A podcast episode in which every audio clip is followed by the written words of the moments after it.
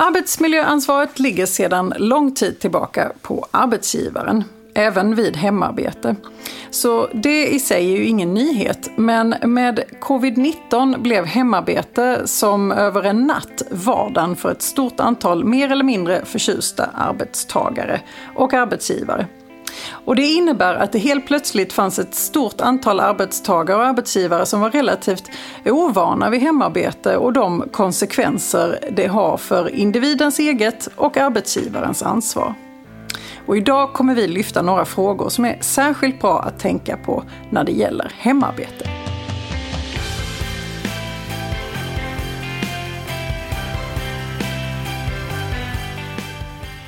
Hej och välkommen till Arbetsrättspodden. Podden för dig som verkar inom HR eller hanterar personalfrågor i din vardag. I den här podden vill vi bjuda på nya infallsvinklar och dela med oss av vår kunskap för dig som arbetar inom HR-området. Jag heter Emelie Svensäter Järntorp och arbetar som advokat inom arbetsrätt här på Vinge. Och med mig idag har jag min kollega Ingela Malmborg som är delägare och expert inom arbetsrätt och precis som jag arbetar på vårt Malmökontor. Hej Ingela! Hej Emelie! Ja, ansvaret för arbetsmiljön ligger ju på arbetsgivaren. Och det är ju givetvis tydligt på själva arbetsplatsen. Men om arbetsplatsen helt plötsligt flyttar hem till köket, vardagsrummet, balkongen hos de anställda, då gäller det ju att ha lite särskild koll på vad det är som gäller och vara tydlig i sin kommunikation.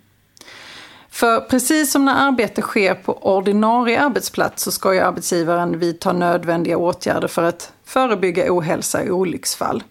Men vad det betyder i praktiken beror såklart på vilket arbete och vilken plats det berör. Arbetsgivaren har ett ansvar att se till att arbetet fungerar och att följa upp. Men det är i allmänhet varken genomförbart eller önskvärt att chefer regelbundet besöker de anställdas hem för att kontrollera arbetsmiljön och utvärdera risker. Eller vad säger du Ingela? Nej, jag tror att eh, det är ganska ineffektivt eh, också. Och sen kan man ju faktiskt inte tvinga sig in i heller. Nej, det tycker jag vi kan stryka under från början här. Men det ställer ju ändå en hel del stora krav på att man som sagt man ska ge tydliga riktlinjer, man ska följa upp. Så hur ska man då göra? Det tänkte jag vi skulle prata om lite idag. Mm. Om vi börjar från början Ingela, vems är ansvaret? Alltså det är ju som eh, tidigare är det givetvis arbetsgivaren som har det grundläggande ansvaret. Det är den som ska se till att det fungerar.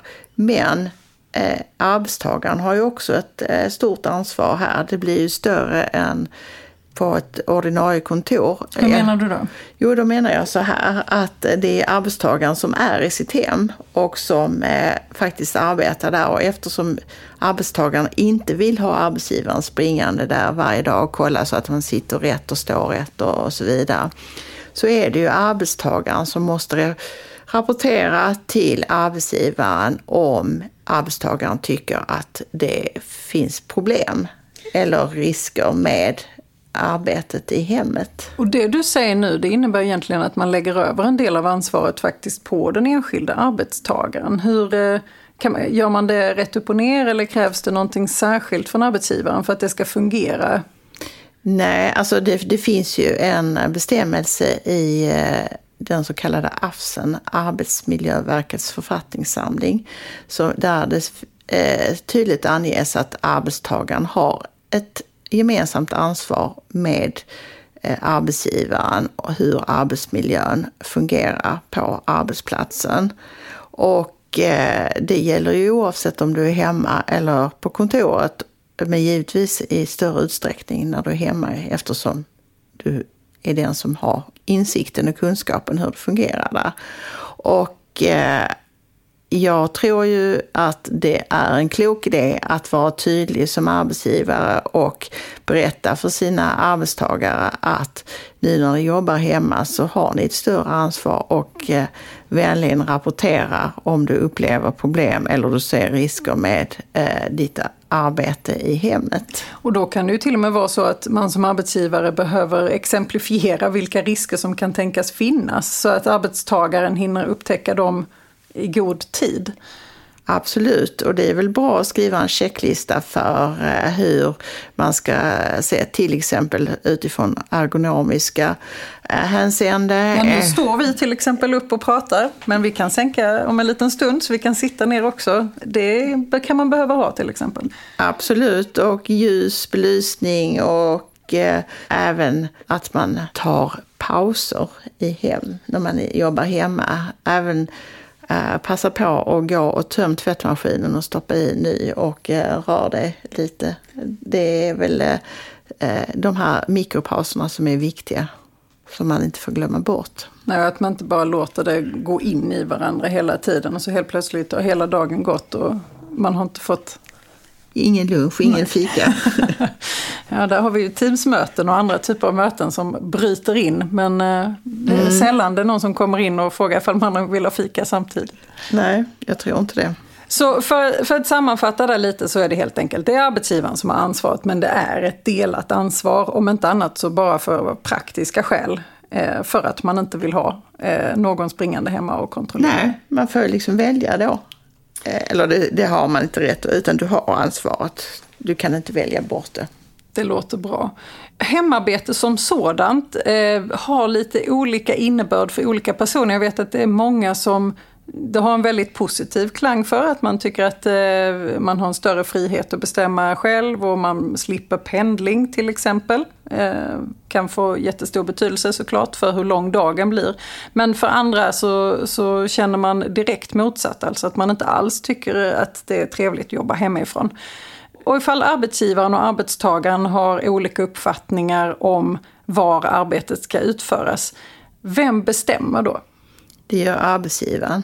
Kort och gott. Ja, det är ju så. Och eh, det, det, om det går att utföra arbetet på något annat ställe än på arbetsplatsen så är, det ju faktiskt så.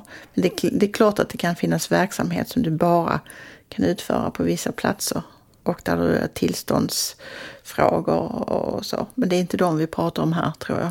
Nej, jag tror det vi pratar om mer eh, kontorsarbete. Ja. Precis. Mm.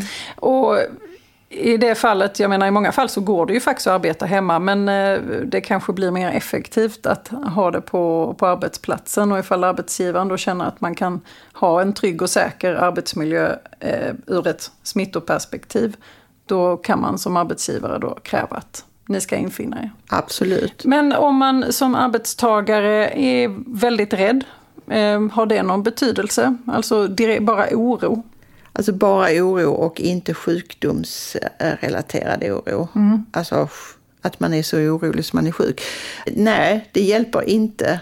Man kan vara eh, orolig för det mesta. Så i, slut, i slutändan så har arbetsgivaren möjlighet att säga nej, det ja. går inte. Mm. Du kanske är orolig men vi bedömer att det här är tryggt för dig så du ska mm. komma in.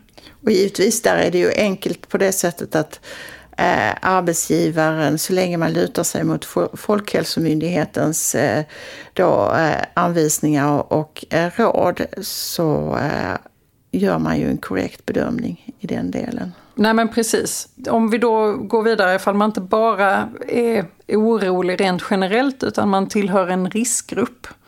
Är det, kan det ha någon särskild betydelse?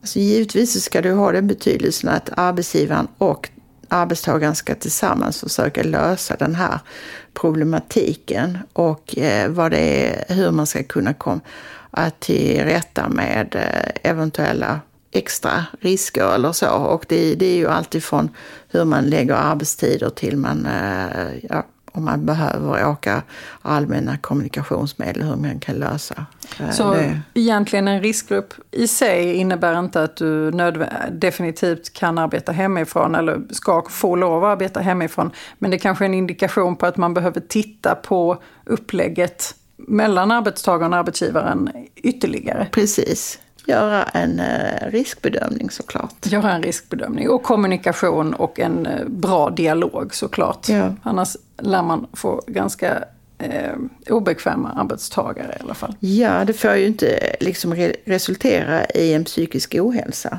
Nej, precis. Och den är ju faktiskt arbetsgivaren också ansvarig för. Absolut. Men eh, du nämnde här eh, att det här med ifall man behöver använda sig av allmänna kommunikationsmedel. För det är ju någonting som verkligen har fått betydelse de senaste månaderna. Eh, faktumet att man då inte har möjlighet att resa på något annat sätt än genom eh, då någon typ av allmänt kommunikationsmedel. Kan det vara en någonting som man kan använda för att jag ska få lov att arbeta hemifrån för att jag tycker det är så roligt. Ja, men det, det är ju givetvis en omständighet, men arbetsgivaren måste ju då säga, kan eh, den här arbetstagaren, kan vi ändra arbetstiderna istället? Så att vi lägger det på ett eh, vettigare sätt utifrån eh, transportmedlen. Så backa och ta ett större perspektiv. Hur kan vi åstadkomma det? Om man faktiskt ja. måste vara på arbetsplatsen, kan vi lösa det på något annat sätt? Precis. Det här handlar ju då om var man faktiskt ska vara. Men ifall vi nu har konstaterat ändå att eh, det bästa för arbetstagarna är att eh, vara hemma. Vad gäller för den fysiska arbetsmiljön? Räcker det med att man eh, säger se till att göra eh, att, du, att du inte bara ligger i sängen när du läser din, eh, din e-post.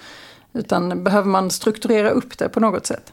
Ja, AFSen gäller ju här också. Och alla... Och bara för att förtydliga, vilken AFS menar du?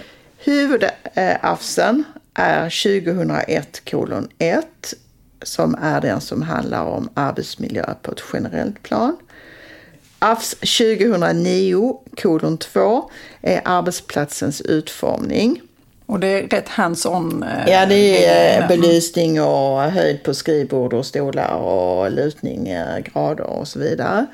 Och AFSen 2015 kolon 4, den handlar om organisatorisk och social arbetsmiljö, eller slarvigt uttryckt den psykosociala arbetsmiljön. Där vi pratar mer om stress och ja. Ja, hur man ska organisera sig. Och det finns eh, såklart jättemånga andra eh, föreskrifter att förhålla sig till, men de här tre kan vara bra att ta sin utgångspunkt i ifall man inte har tittat på dem tidigare. Förhoppningsvis så har eh, den arbetstagarna haft besök av eh, ergonom på sin arbetsplats på kontoret där, så man vet vad de särskilda förutsättningarna är för var och en av arbetstagarna. Så vad du egentligen säger här är att det finns ju redan då eh, en AFS som är tillämplig på detta och den ska gälla även för hemarbete i den mån som det behövs. Och att eh, de riktlinjer som man har fått i förhållande då till vad som gäller på arbetsplatsen, det ska man tillämpa även när man är hemma. Precis. Mm. Det är ju olika sätt hur man vill hantera detta givetvis, men man kan ju då göra så att man ser till att eh, skicka hem eh, kontorsmöblerna om de får plats i hemmet eh, så att man kan eh, sätta upp ett hemmakontor Eh, med sin skrivbordsstol, sin, sitt skrivbord, sin eh, skrivbordslampa. Och, Extra eh, skärmar, tangentbord. Precis, allt vad ja. det är som man normalt sett har ska man ju ha tillgång i, i hemmet då. Eller så kan man ju lösa det genom att eh, arbetsgivaren eh, köper upp ett antal eh, av de eh, sakerna som man tycker är onödiga att släpa runt. Och, och här säger du att det är arbetsgivaren som köper det. Detta är liksom ingenting som man som arbetstagare själv ska bekosta, utan, eh, som utgångspunkt i alla fall, utan det är arbetsgivaren som ska stå kostnaderna och också äger utrustningen ja, då. det är det ju, eftersom det är arbetsgivarens huvudansvar att se till att man har en eh, okej okay arbetsmiljö även i hemmet. Så när då covid-19 har spelat över, då ska de här, om man, man inte längre ska jobba hemifrån, då ska det här returneras till arbetsgivaren. Ja, eller där arbetsgivaren vill att de ska hamna. Det kan, kan bli ett stort förråd fullt med skärmar, hör jag.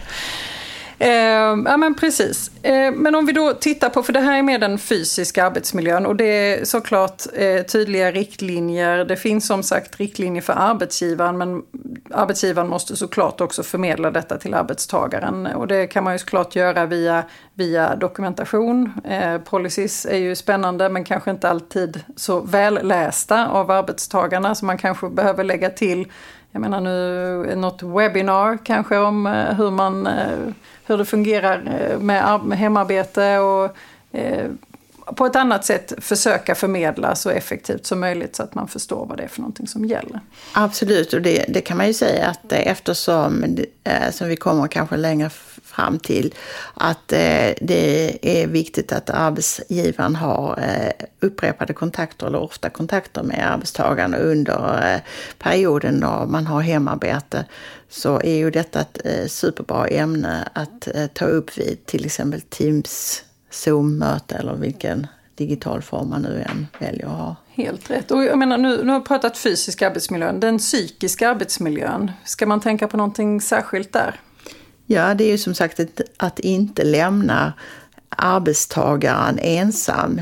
Eh, så att man känner sig isolerad utanför och utan att man försöker få arbetstagaren till att på samma sätt som annars känna sig som en del av arbetsgivarens verksamhet. Och eh, det kan man ju då göra på olika sätt såklart. Men eh, eh, digitala möten i gruppen eller individuellt hur man nu vill lösa det. Och eh, eh, då ställa frågor om hur det fungerar och eh, det, där kan man ju också ha en eh, checklista där man eh, kollar så att arbetstagarna verkar till att må bra i varje fall och att de uppmanas att kontakta antingen sin närmsta chef eller någon på HR till exempel för att eh, berätta om de inte skulle må bra. Och eh, också givetvis se till så att eh, timma, kolla upp timmar om man har timredovisning och, och så vidare så att det inte blir antingen att arbetstiden ökar alldeles eh, felaktigt eller minskar felaktigt. Produktiviteten kan gå ner eller kan gå upp helt ja, enkelt. Ja. Men eh, Precis, och jag menar på det här med just eh, timmarna ökar eller timmarna minskar. Eh, det är ju faktiskt så att eh, arbetstidslagen gäller precis på samma sätt som tidigare, eller det kollektivavtal rörande arbetstid som, som kan vara tillämpligt. Eh, och det är viktigt att man ser till att man får dygnsvila. Och... Eh, precis, och det är också, tror jag, det är, eh, skulle jag i alla fall tycka var smart grej att, eh, som inte alls är smart, men att man säger nu jobbar jag jättemycket här tre, fyra dagar och sen så är jag ledig. Eh, behöver jag inte eh, jobba någonting på fredagen utan eh, ta. Och det, sånt måste man vara uppmärksam på, för jag tror det är fler än jag som tänker så. ja, det är bra. Så helt enkelt eh, som arbetsgivare var tydlig med att de arbetstider som eh, gäller när man är på kontoret gäller egentligen på precis samma sätt när man arbetar hemifrån. Precis. Så det är frihet under ansvar. Ja, och du ska ju också vara tillgänglig för dina eh, samarbetspartner och kollegor och så under den tiden som du normalt sett skulle vara tillgänglig. Mm. Det är allt vad vi hinner idag. Eh, tack så jättemycket Ingela. Tack själv. Dagens gädda. Se till att dokumentera och vara tydlig och konsekvent i riktlinjerna. Och bygg för att se till att det här ska vara hållbart och inte bara på kort sikt. Se till att följa upp och utvärdera och låt medarbetarna säga sitt. Men det är arbetsgivaren som i slutändan bestämmer.